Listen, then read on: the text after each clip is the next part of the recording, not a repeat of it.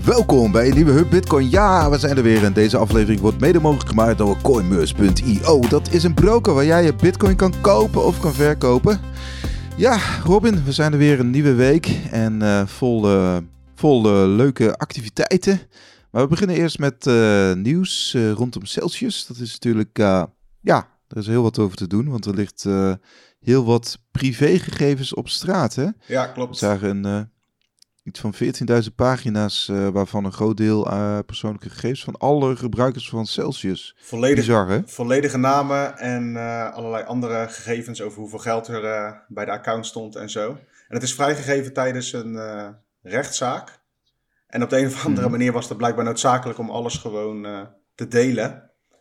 En ja, het is niet meer zo zoals vroeger dat het gewoon ergens in een kabinetskastje zit. Het staat gewoon direct online allerlei websites opgetuigd waar mensen die database makkelijk kunnen doorzoeken al enzovoorts.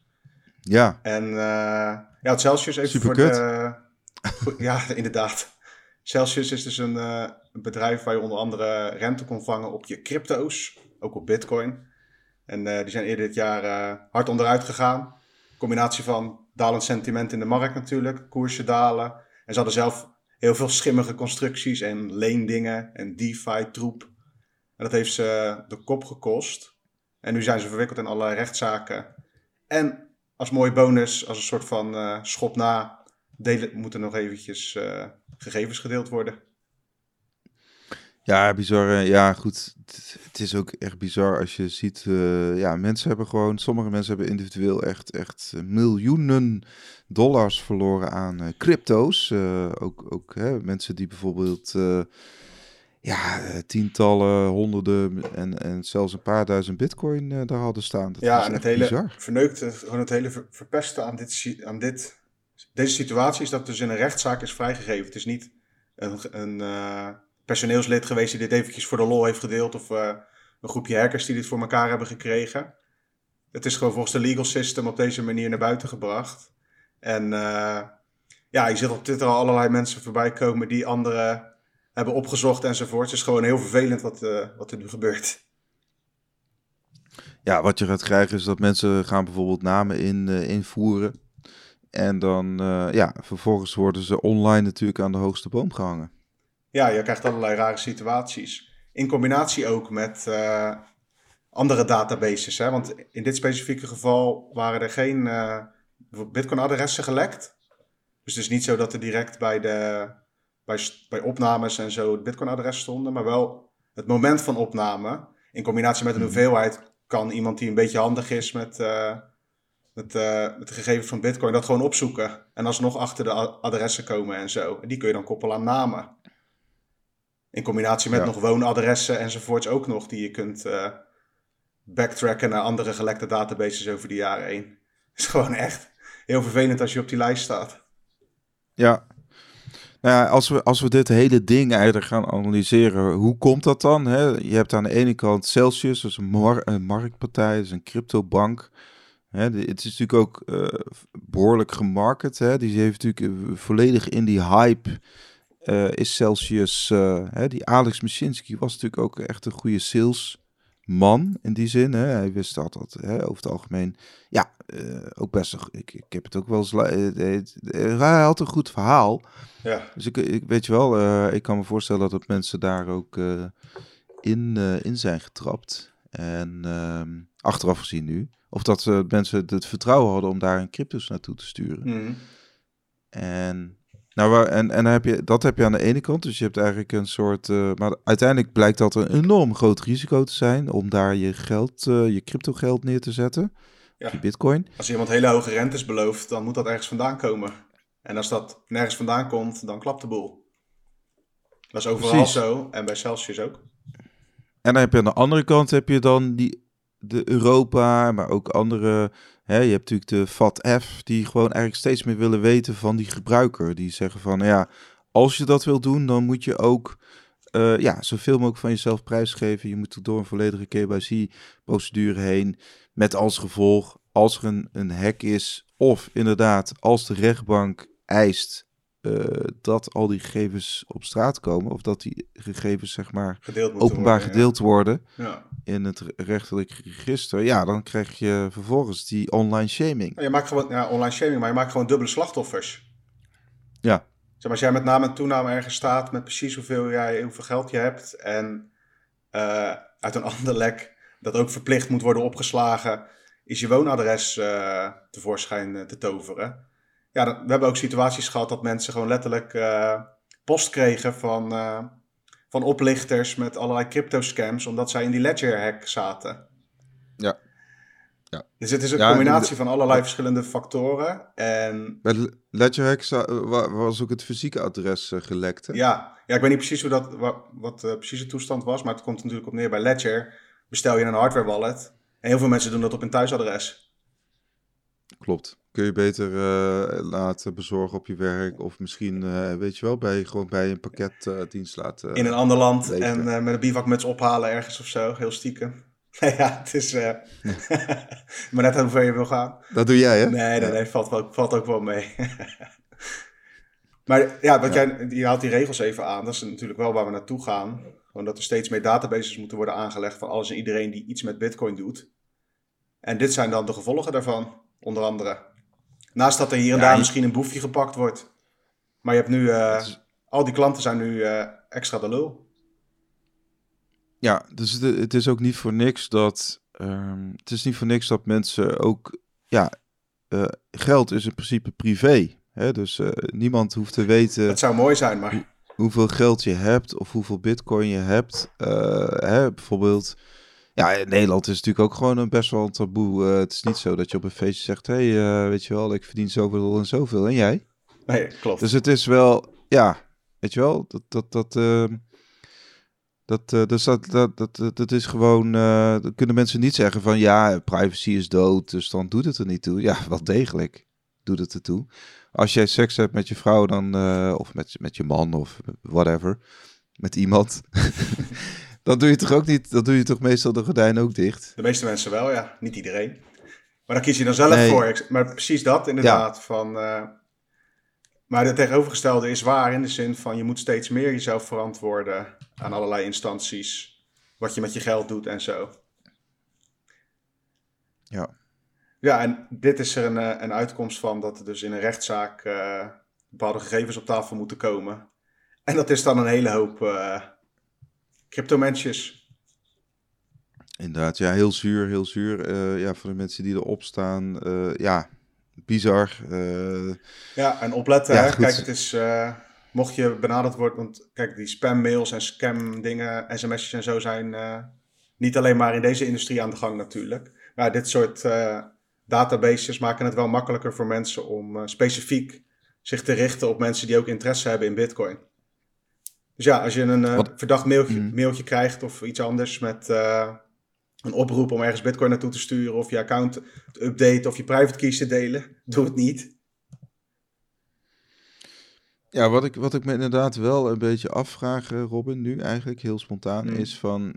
Ik zie dan ook een, een website waar je dan hele ranglijsten hebt van gedupeerden. Ja. Maar ook hè, een soort bot of een soort geautomatiseerde random bot, zeg maar, die gewoon random namen dan eh, genereert. Is, is dat dan niet eh, strafbaar?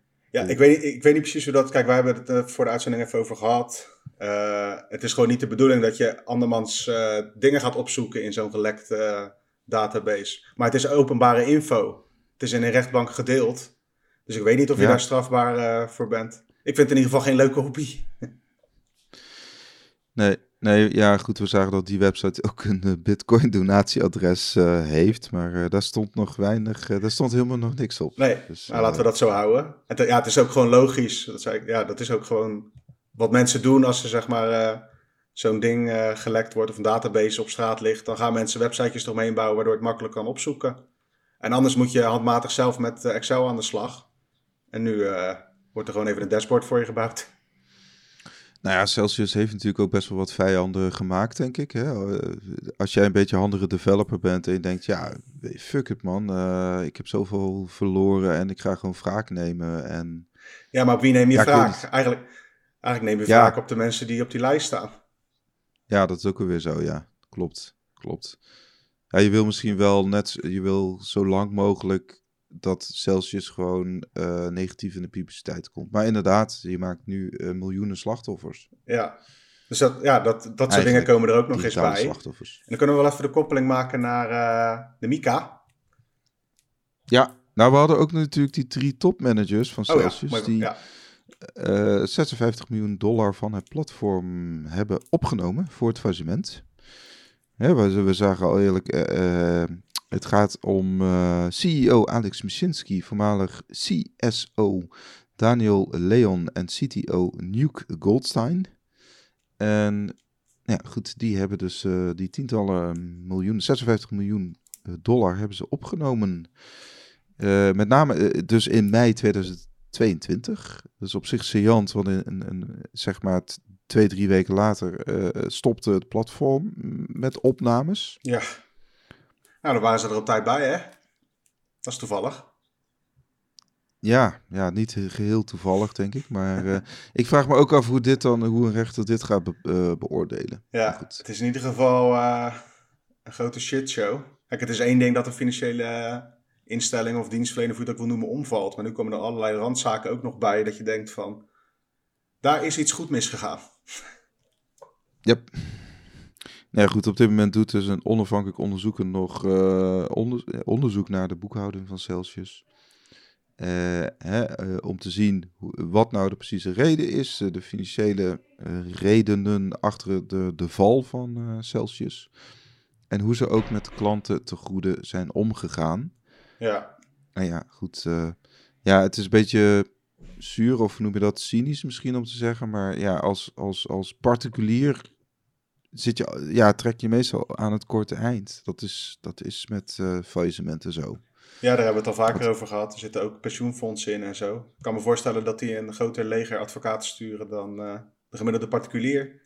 Dan heb je vooral in Amerika natuurlijk ook wel van die uh, class action lawsuits. Dat een hele hoop mensen tegelijk zaken aanspannen. Voor mij lopen daar ook wel het een en ander van. Maar ja, dat gaat ook allemaal jaren duren en zo. Reken maar niet op een snelle, snelle betaling, mocht je daar wat hebben staan. Nee. Dus, uh, nou ja, goed. Uh, nog meer regels, inderdaad. Je haalde het al aan. De Europese Commissie stuurt de MICA naar het parlement. MICA, dat is een afkorting voor... God, dan moet ik het wel eventjes opzoeken. Uh, crypto, iets met crypto assets. Ja, je hebt de Nederlandse naam, de Europese Crypto Activa Verordening. Oh ja, oké.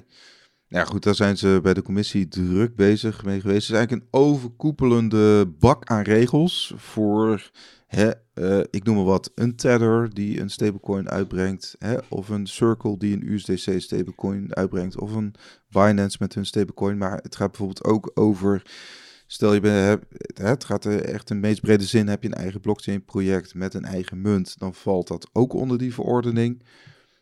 Maar het gaat dus ook over uh, verdere aanscherping van um, als jij bitcoin, bitcoin, wil kopen, dan moet je je dus aan, weer aan strengere identificatieregels voldoen. Dat valt er ook weer onder. Er zijn allerlei verschillende hoofdstukjes eigenlijk. Ja, en hij is nu dus, uh, dat voorstel is nu dus uit de Europese Commissie doorgestuurd naar het Europees Parlement. En daar begint het dan weer, uh, of dat zijn we eigenlijk weer een stapje verder. En dan uiteindelijk moet het leiden, ertoe leiden dat alle 27 lidstaten dezelfde basisregels hebben op het gebied van uh, crypto-activa. En dan kun je bijvoorbeeld ook denken, uh, Bitcoin gerelateerd aan uh, renteproducten rondom Bitcoin of andere diensten met Bitcoin ertussen. Ja.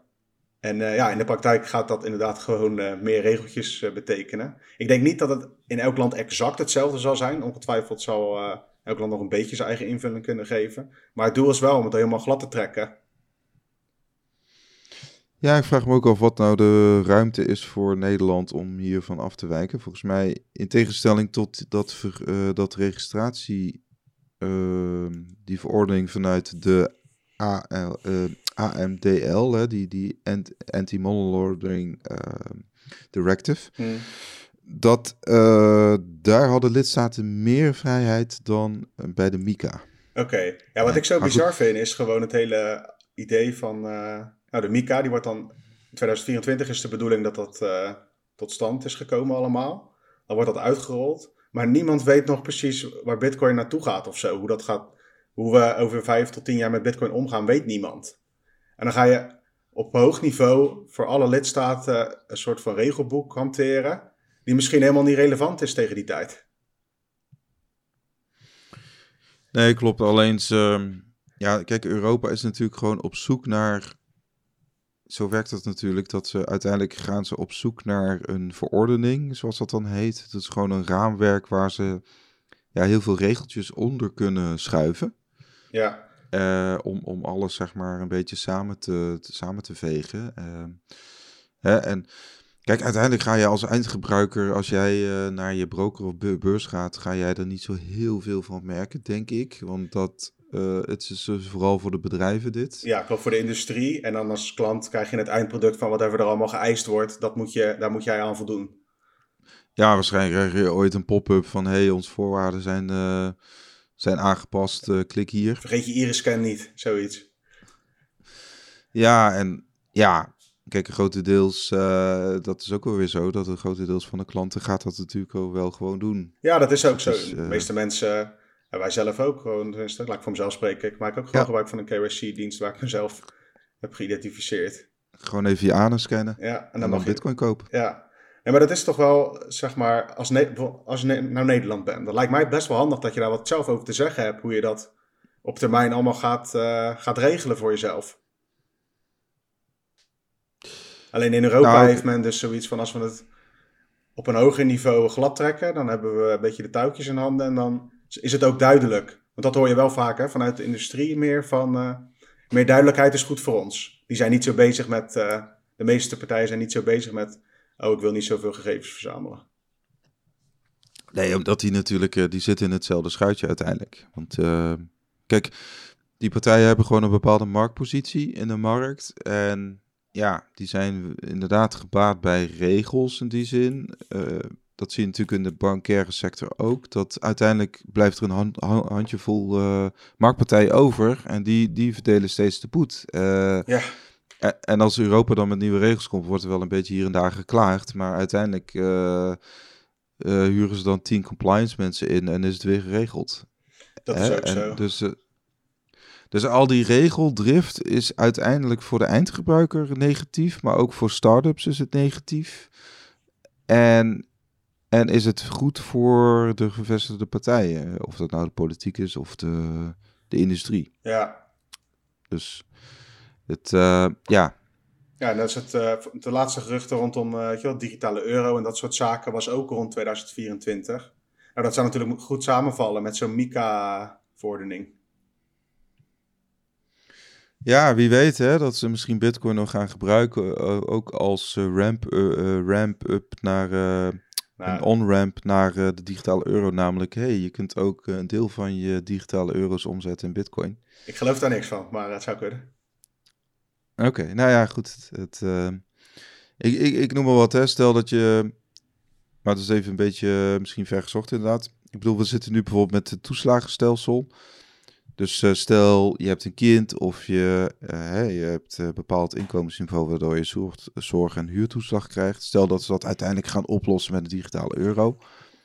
Um, de vraag is inderdaad of je dan van dit toeslagengeld... wat dan of je daar dan bitcoin van mag kopen. Ja. Dat is inderdaad wel de vraag. Ja, nou, ik denk dat, je met een eh, digitale euro uh, meer voorwaarden krijgt aan waar je je geld aan mag uitgeven. Laat ik het zacht zeggen. ja, ja dat, dat, dat, is ook weer zo, ja. ja. En dat betekent ja. niet... Kijk, ik denk niet dat in 2024 gezegd wordt... hey, alle andere manieren van geld zijn verboden. Maar wat je krijgt is dat je voordeeltjes hebt... als je die digitale wallet even downloadt van die digitale euro. Terwijl je ook nog gewoon je rekening hebt bij een particuliere bank. Ja. Maar ja, dat is een beetje eh, van het onderwerp af. Dit wetvoorstel, nou, het komt er dus mhm. aan, zeg maar. Gewoon bij Europa. En uh, ja, in principe is dit een kwestie van tijd. Dit ligt alleen een beetje aan de precieze implementaties. Want er zijn ook wel eens geruchten geweest natuurlijk over uh, hele strenge regels wat betreft het opnemen van bitcoin en zo. Dat is eigenlijk best wel interessant om te kijken of dat nog zo open mag. Want de trend in de industrie is stiekem nog steeds dat meer partijen Bitcoin-opnames toelaten. Voorbeelden zijn bijvoorbeeld PayPal mhm. en zo, die eerst geen Bitcoin-opnames toelieten naar eigen wallets, maar nu wel. Ja. Nee, inderdaad. Nou ja, goed, dat klopt. Maar je krijgt uh, in Europa is er ook uh, iets aangenomen dat bijvoorbeeld unhosted wallets, hè, dat hoort volgens mij, dat willen ze ook volgens mij onder de Mika schuiven. Moet ik wel even. Ja, ik weet dus niet of dat eruit is, maar voor wat al een tijdje geleden over gehad. Unhosted wallet is gewoon een, uh, een term die niet klopt. Er is geen unhosted mm -hmm. wallet. Dat bestaat, nee. dat, ja, het bestaat niet. Wat ze daarmee bedoelen is een wallet waarvan we niet precies weten van wie het is, misschien. Of een particuliere ja. wallet. Want zeg maar, een hosted wallet noemen ze dan een, een uh, adres bij een beurs, van een beurs. Of een broker. Ja. Nee, nou ja, stel uh, je hebt uh, bitcoin bij een broker of beurs en je stuurt het naar je eigen ledger of naar je Trezor of whatever. Je stuurt het naar een, je eigen hardware wallet. Dan is die hardware wallet in mijn ogen een, dat bedoelen ze met een unhosted wallet. Ja, maar je stuurt het niet naar een hardware wallet. Nee, dat, maar, dat uh, begrijp ik. Dat is zeg maar wat, dat, ja, wat hun dan neerzetten als een hosted wallet. Dat betekent eigenlijk niks. Behalve dat het dus betekent van... Uh, in theorie betekent het dat als je een eigen adres en een private key heeft, hebt gegenereerd... dat dat een unhosted wallet is en daar dan extra regels voor zijn. Toch? Mm -hmm. Dus daar, ja. dat zit eraan te komen. Ik kan me voorstellen dat daar nog aan gesleuteld wordt. Nee, inderdaad. Nou ja, goed, dat, dat, uh, dat is, daar is het laatste ook uh, niet over uh, gezegd natuurlijk. want dat, dat, dat zou, ja, goed, bovenop het feit dat... Nou, dat zou nou echt... Al die controle en dingen... Zijn. Ja, dat zou echt klote maatregel zijn. Want dat... Want ze willen natuurlijk cash...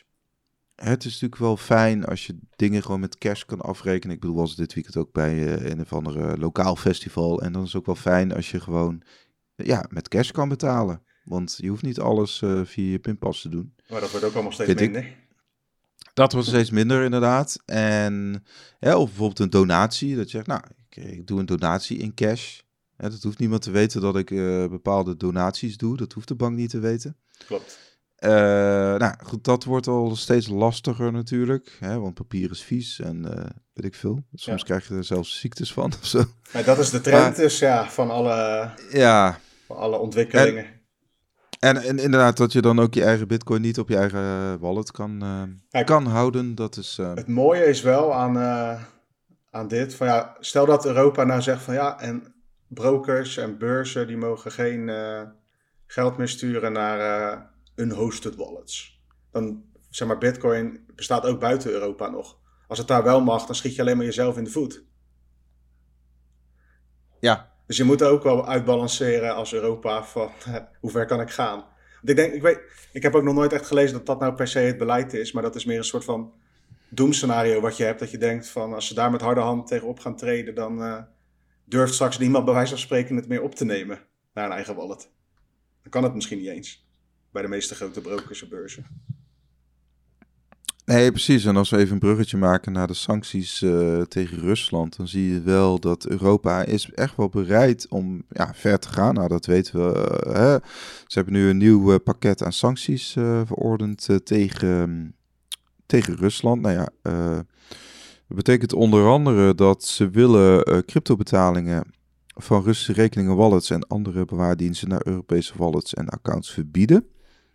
Dus het betekent feitelijk, stel iemand, inwoner uit Moskou, die wil iets naar mij sturen, uh, dan moet dat verboden worden. De vraag is ook van hoe, hoe gaat men dat dan handhaven? Maar ik denk dat in eerste instantie gaat het nu ook natuurlijk over. Ze kijken naar de, hè, de, de gateway keepers, namelijk de brokers, de beurzen, de banken. Daar gaat, daar gaat dit verbod over, denk ik. Klopt. Kijk, het is dan gewoon, uh, als je een Russische klant bent, in, uh, bij een bedrijf die zich aan deze regels uh, moet, gaat houden, dan uh, ben je de Sjaak.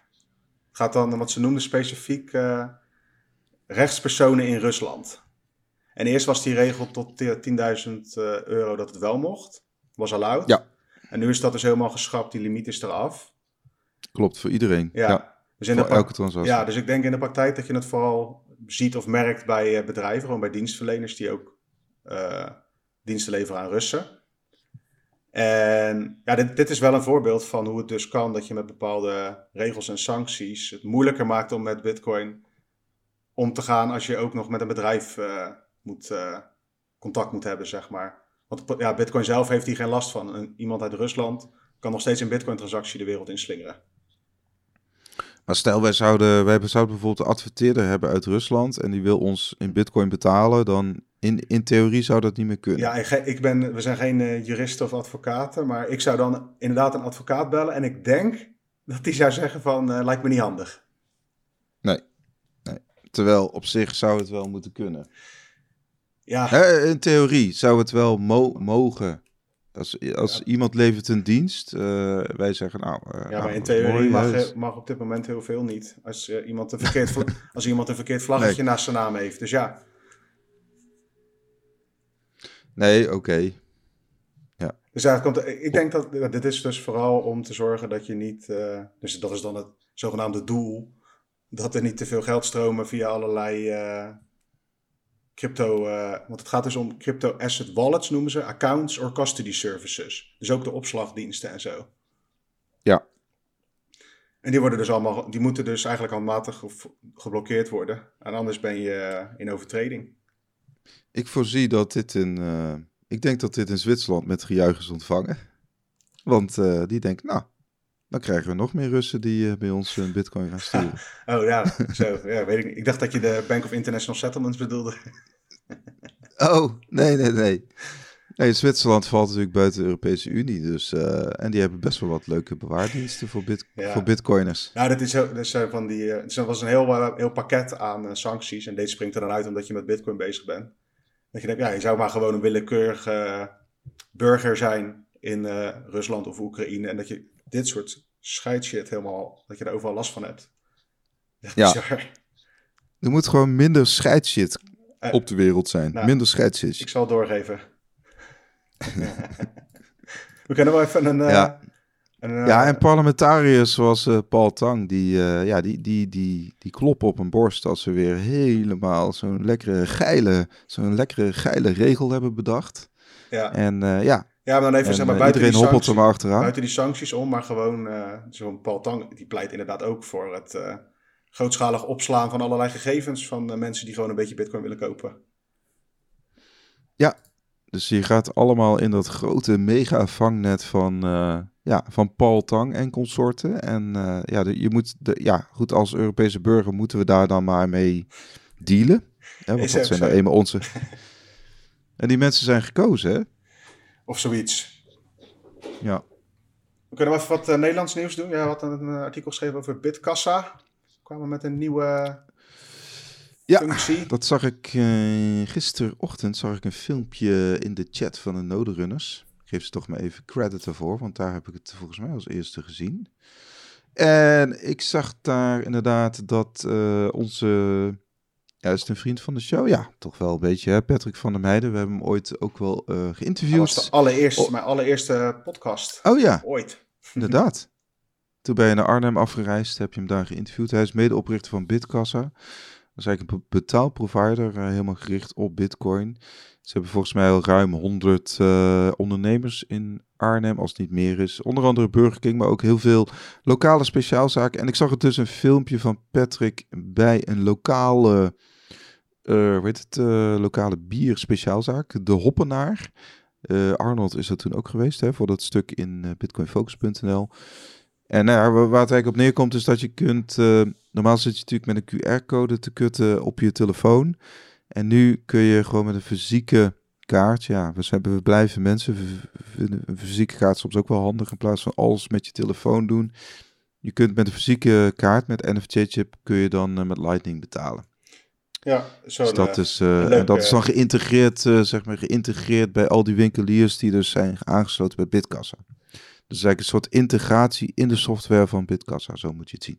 Dat was het nieuws. Dat is wel, uh, wel leuk, leuk initiatief. gewoon Bitkassa is leuk. Die doen goed, goed werk.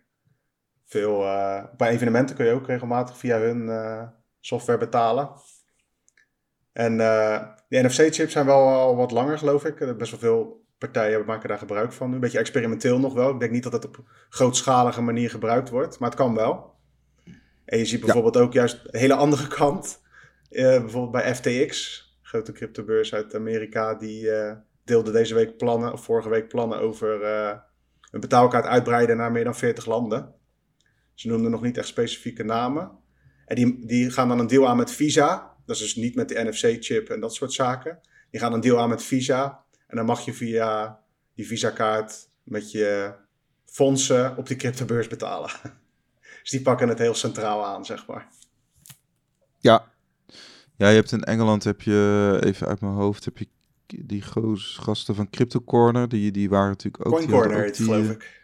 Of uh, Coin Corner, inderdaad. Die hadden ook die NFT-kaart. NFC-kaart. Klopt. NFT. Ja. Vind jij dat Dus, interessant? eh, een eh, betaalkaart? eh, de- zeg maar gewoon eh, van als je Ja. bij een beursklant bent en je hebt daar veel, veel geld staan, dan scheelt het je wel een handeling als je gewoon hun betaalkaart gebruikt. Anders moet je het eerst naar je bankrekening sturen en dan pas kun je ermee betalen, zeg maar. Maar ik, ik heb geen grote bedragen bij die beurzen staan, dus ik heb niet zoveel aan zo'n type Visa betaalkaart. Want dat noemen ze dan met Nee. bitcoin betalen, maar eigenlijk verkoop ik mijn bitcoin aan die beurs. En vervolgens regelt Visa het met die winkelier. Weinig bitcoin aan. Ja. Nee, klopt. Nou ja, ik ben wat dat betreft iets, eh, daar iets losser in, kun je zeggen. Maar het was ook meer gewoon om te kijken hoe, eh, hoe gewoon zo'n kaart werkt. Dus ik heb, eh, ik heb hier nog een Binance kaart liggen en een, zelfs een Crypto.com kaart. Ja. Maar dat, het, zijn, het, het zijn gewoon kleine bedragen. Mhm. Maar het is niet dat ik eh, in die end betaal ik dan toch gewoon met mijn Blue Wallet. ja, Eh, precies. als ik dan iets met Bitcoin betaal. Dus eh, in die end doe ik het toch met een mobiel. En merk ik toch dat die fysieke kaarten toch een beetje maar hier liggen op kantoor. Ja. Nee, ik heb daar ook niet zoveel mee. Maar ja, tegelijkertijd wel leuk dat het Dus kan. is Een beetje een hebben dingetje. Het is wel vet als je gewoon zo'n kaartje kunt gebruiken om te betalen. Heeft ook wel wat. Ja, ja, je had destijds had je Wi- Wirex en je had eh 10x en zo. Die had, eh, Ja, oké, maar dat, zijn weer, ja. dat is weer een andere tak van sport. Ja, Laten we daar maar dat is ook allemaal niks... Nee, dat is ook allemaal niks geworden wat dat betreft. Dus, eh, Verrassend. maar ik denk wel, het is wel menselijk om dus inderdaad wat in je handen te hebben. En, ja, je ziet ook mensen die bitcoin weer proberen op briefgeld voor elkaar te krijgen en zo. Of dat hebben ze dan voor elkaar gekregen. Ja, is toch een beetje de drang naar eh, iets fysieks. Ja, bij mij is bijvoorbeeld het, hele die smartwatch en zo. Dat, eh, heb, je- reken jij daarmee af met een smartwatch? Nee, Nee, dat is dan ook weer aan mij eh, voorbij gegaan. ja. Maar goed. We gaan door. We zagen dat het netwerk is nog flink aan het groeien. Want de hash rate blijft stijgen. Ja, je hebt zeg maar de handelsvolumes op de grote beurzen en zo, die dalen allemaal. En de prijs werkt natuurlijk ook vergeleken met de all-time highs niet echt mee. Maar Nee. eh, ja, op het gebied van bitcoin mining, dus zeg maar gewoon de computerkracht eh, die gemoeid is met eh minen van bitcoin, die is naar een all-time high gestegen. Dus waar het geld Ja. vandaan komt allemaal weet ik niet precies, want ook miners hebben gewoon te maken met in ieder geval in dollar minder omzet. Afgelopen tijd. Toch komt er voldoende hardware online. Ja, dat kan natuurlijk verschillende redenen hebben. Veel van die dingen worden ook al soms jaren van tevoren besteld.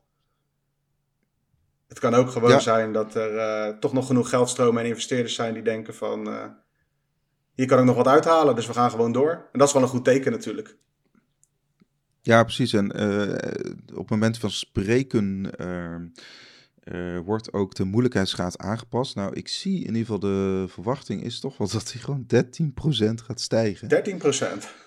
Ja, dat is echt huge. De laatste keer dat het zo groot was, zo hoog. Nou, Misschien wel nooit. na ehm, vorig jaar eh, augustus is hij een keer met 13,2% gestegen. Oké. Dat was volgens mij, de, eerst gingen al die miners uit China, daarna gingen ze allemaal... eh, Kwamen ze ergens anders weer online.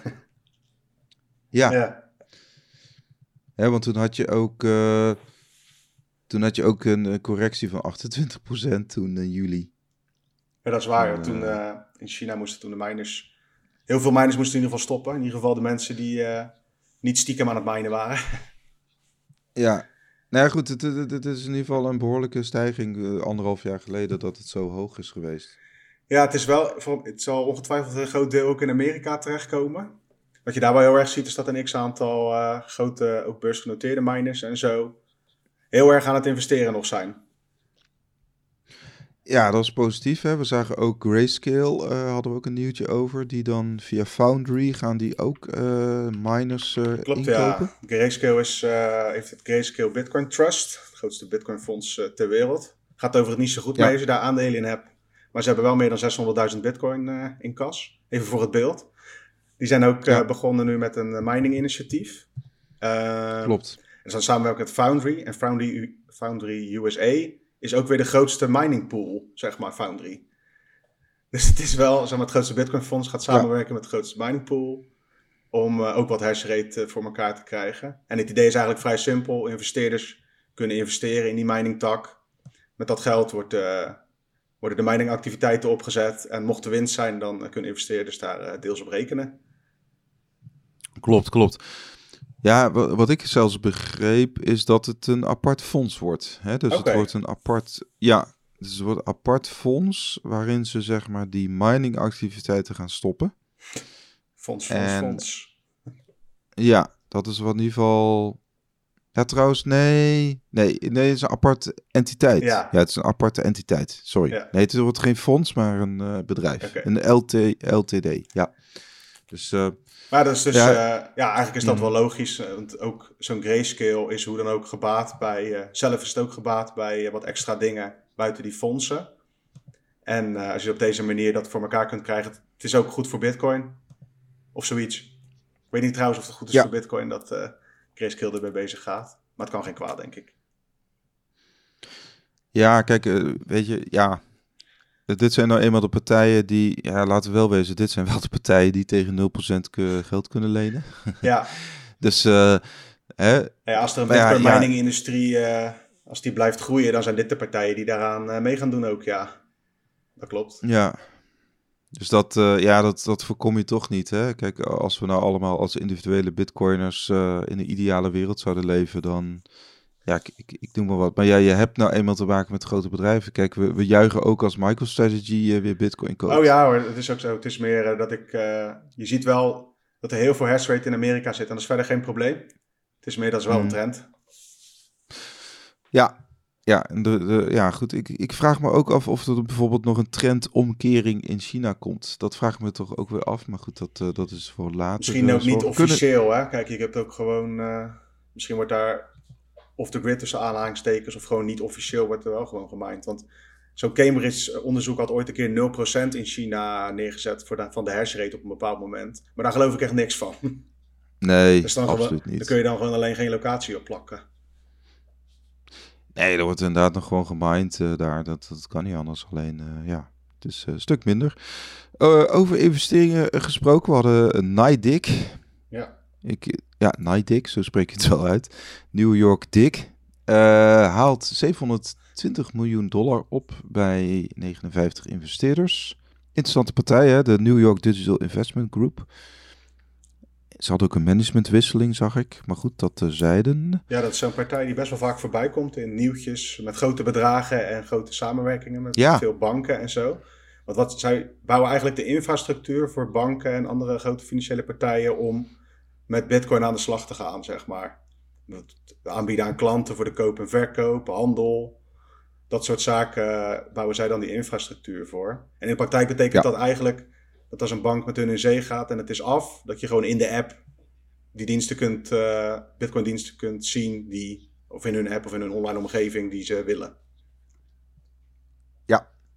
Nou ja, wat ze nu, uh, dus die 720 miljoen, die, die komt dus in een institutional Bitcoin fund. Mm dus eigenlijk wat je doet is van, oké, je zegt, hey, we gaan een eh, fonds oprichten. Met het fonds gaan we Bitcoin kopen. Maar ja, we hebben dollars nodig. En nou, die dollars zijn gekomen in de vorm van 720 miljoen dollar. En daar gaan ze nu Bitcoin verkopen. Sorry. En dat is, uh, of Bitcoin futures, maar dat is in ieder geval wel het, het plan hierachter. Ja. Helder. Ik zag ook dat uh, moederbedrijf Stone Ridge, die hangt daar blijkbaar dan weer boven, boven Nidec, dat die ook uh, eh, 10.000 bitcoin hebben gekocht in oktober. Ooit. Moet ik even goed kijken. Ja, 2020 was 2020. Dat. Ja. ja. Meer om aan te geven dat dat, uh, blijkbaar zit een partij met relatief dippe zakken, of in ieder geval voldoende investeerders, om toch wel flink in te zetten op bitcoin, op allerlei manieren.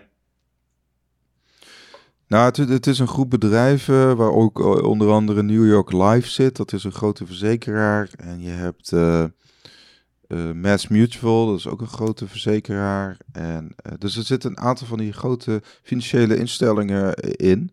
Oh, want Mass Mutual, dan... die naam ken ik ook, die hebben ook al iets met Bitcoin gedaan, toch? Ja, ja. gewoon gekocht. Ja. En dat zijn dan dus instituut, dat zijn nou voorbeelden van instituties, hè? Het is een beetje hetzelfde als uh, Egon of uh, eh, ASR ineens Bitcoin gaat kopen. Ja. Daar, daar moet je het wel mee vergelijken. En dat is daar wel gaande. Dat is al dus al sinds 2020 gaande. Die, uh, maar die zitten nu ook op de blagen. Want die moeten ook die 50, 60% correctie, moeten zij ook ja, zeker. nu uitzitten. Klopt. Dus, ah, dan toch nog een hele reeks aan investeerders vindt met gratis geld. ja, nou ja, dat, dat, dat, dat zijn ook typisch inderdaad investeerders die makkelijk geld kunnen, kunnen lenen. Nu overleven uh, als bedrijf en als uh, ook, ja, bij deze gasten uh, maak ik me daar niet druk om. Maar meer gewoon als bitcoiners in het algemeen. Je moet ook best wel lang kunnen blijven zitten als het even minder gaat. Nou ja, daarom hebben ze die helvings ook in de wereld geroepen. Dat heeft Satoshi Nakamoto toch goed bedacht. Dat je toch die, die, Want op zich, die 2024 is een mooie marker op de horizon, denk ik. Ja, maar allerlei verschillende redenen. Op de een of andere manier, alsof het zo hoort te zijn, uh, valt de halving ook in de tijd dat uh, Europa eventueel met een digitale euro komt en meer regels voor de industrie enzovoorts. Wat een toeval, hè? Ja, precies. Dus, um... oh, jij wilde ook nog wat roepen over PayPal, denk ik, toch? Oh ja. Want er was uh, wat commotie rondom PayPal. Ja, dus daar was daar een... Het won't find customers, uh, dat was 2500 dollar of zo aan boetes. Ja, het was echt een raar verhaal. Er was een, uh, een bericht naar buiten gebracht vanuit PayPal. Ze zeggen nu dat het een fout was. Dus dat is weer teruggedraaid. Maar dat uh, ze gebruikers konden beboeten voor spreading misinformation. Nou, dan mag je zelf ja. invullen wat, je, wat daarmee bedoeld kan worden. Ze hadden daar wel een hele lijst van. Maar goed, dat kan op vrij veel manieren geïnterpreteerd worden. En per, per vergrijp konden ze dan 2500 dollar van je PayPal afhalen. Bizar. Een bizar, ja. Nou, zijn er nu dus een fout. Ik heb geen idee uh, hoe dat precies tot stand is gekomen. Wat ik wel weet, is dat het een voorbeeld is van... Uh, oh ja, dit kan er met je geld gebeuren als het uh, niet in bitcoin staat. ja, ja, onder andere David Marcus, hè, dat was dan de projectleider van Facebook. voor de Facebook coin, even voor het gemak. Oh ja. Libra heette dat toen. Die reageert ook op Twitter inderdaad. hij zegt uh, de, nieuwe, nou, de nieuwe policy agreement gaat tegen alles uh, in waar ik in geloof, bla bla bla. En ook Elon Musk uh, reageert erop op hem dat hij het daar. Ja, kijk, want het is niks nieuws. Hè? Je kunt gewoon een boete krijgen voor allerlei dingen die je roept. Maar dat is dan vanuit de overheid. Dat hebben we geaccepteerd met z'n allen. Maar als PayPal dat gaat doen, dan is een stapje extra. Ja, dat het, eh, dat het dus inderdaad agressief, hè, heel agressief beleid, dat het dan van je eigen account wordt gehaald. Maar wie denkt nou dus dat dat een goed idee is? Omdat zo te, zelfs al wil je dit op die manier, dan hoor je dat toch niet op die manier uit? Ja, blijkbaar het leiderschap daar. Dat, dat, ja, dat verzin je niet, maar... Uh... Ja. Ja, goed, uh, het, uh, daar is het laatste nog niet over gezegd. Dus het lijkt me echt, voor als jij in de PR zit, dan uh, lijkt me dit echt een leuke business case. Nou, of als jij dit, nu gaat rechttrekken. Op het randje beweegt van de journalistiek, welke kant dan ook, en je hebt een PayPal-account. En je krijgt dit bericht van, nou, als jij, als jij gekwalificeerd wordt als misinformatie, dan heb je een probleem, krijg je boetes van ons. is gewoon zo slecht. Ja, nou, je had ook uh, die porno-sterren uh, die ook gewoon bij PayPal weg zijn gegaan. Ja, dat moest Onder van andere. PayPal. En dat moest inderdaad ja, van PayPal. Klopt. Ja, ja nee, is ook zo. Precies, als, als je op de randjes zit, dan zit je bij PayPal ook niet meer goed. Maar dat is, dat, is nee. wel, dat is wel ook een beetje de policy natuurlijk van PayPal geweest. In het begin waren ze lekker edgy. Maar zodra je helemaal in dat financiële systeem zit, dan uh, moet je gewoon aan de regels voldoen natuurlijk. Ja, nou ja, het is ook, ja, het, het voelt ook, ja, het is ook, het PayPal, ik vond het ook altijd wel handig om bijvoorbeeld een Uber af te rekenen. Op de een of andere manier was dat altijd daaraan gekoppeld. En ja. ik dacht wel altijd, waarom kan dat niet met, uh, met Ideal of zo? Weet je wel, bij heel veel dingen denk ik dan toch, van waarom moet, waar heb je PayPal dan voor nodig? Maar ja, je had inderdaad genoeg mensen die eh, bijvoorbeeld geld overmaakten wereldwijd met PayPal. Daar is het volgens mij ooit. Als je geen ideal Ja. eh, kunt gebruiken. Je hebt allerlei situaties Precies. dat het wel handig is geweest eigenlijk vooral. Ja, iets wat banken niet kunnen blijkbaar. Ik gebruik het nu vooral als het moet. Het liefst gebruik ik wat anders. Maar ja, dat kan nog steeds wel, eh, wel handig zijn. Maar dus niet eh, voor grote bedragen. Want ze halen het er gewoon vanaf als je niet oplet. Inderdaad. Nou ja, schurken zijn het. Aanpakken die hap. En eh, Of zoiets. ja, Nou ja, misschien gewoon een beetje, eh, beetje bitcoin vasthouden. Misschien dat dat meeste aanpak is wat ik kan doen met PayPal, toch? ja, wa- wat kunnen we anders doen? Het is een soort eh, ja, Niks. ongewapende, We kunnen het er even over met- hebben. En dat is het. ongewapende revolutie. Sure. is het. Dus eh, wij zijn deze week ook bij het eh, Bitcoin-evenement in het Westerpark.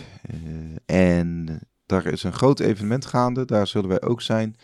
En verslag doen van wat er allemaal gebeurt en gezegd. En, eh, en eh, nee, je kunt ons altijd aanschieten. eh, mocht je ons herkennen, dan kunnen we altijd even lekker bijpraten. Het is Bitcoin Dus, Amsterdam. mocht, je nog, mocht je niet weten waar het, waar, wat het precies is, Bitcoin Amsterdam, dan vind je het wel. Of b.tc. Ja.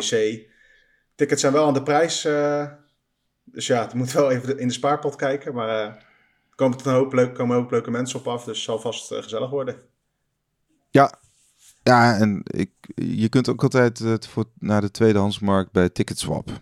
Klopt. Dus op zich, dat is, eh, dat is nog best wel, best wel schappelijke kortingen kun je daar krijgen. Ja. Oké, nou, eh, en we zijn ook trouwens woensdag, als het goed is, zijn wij ook bij de meetup van de mannen van de Bitcoin Show. Blast dat Galaxy. is weer in Blast Galaxy, ook in Amsterdam-Noord is dat. En daar kun je gewoon betalen met, met Bitcoin. Ehm, Kip en bier kun je daar eh, krijgen voor je Bitcoin. Dus, eh, en je hebt er allerlei leuke eh, ja, spelletjes die je kan doen. weet je wel, een grote hal vol met... eh, Arcadekasten. Arcade- Arcadekasten kasten. noemen ze dat best wel. Ja. inderdaad. Oké, till next time. En ik zou zeggen, ja, hou je taai. Yes, Hoddeland. En vergeet de podcast Bitcoin niet te volgen en te liken en zo op de podcastplatform waar je dit luistert. Thanks voor het luisteren en later. Doei.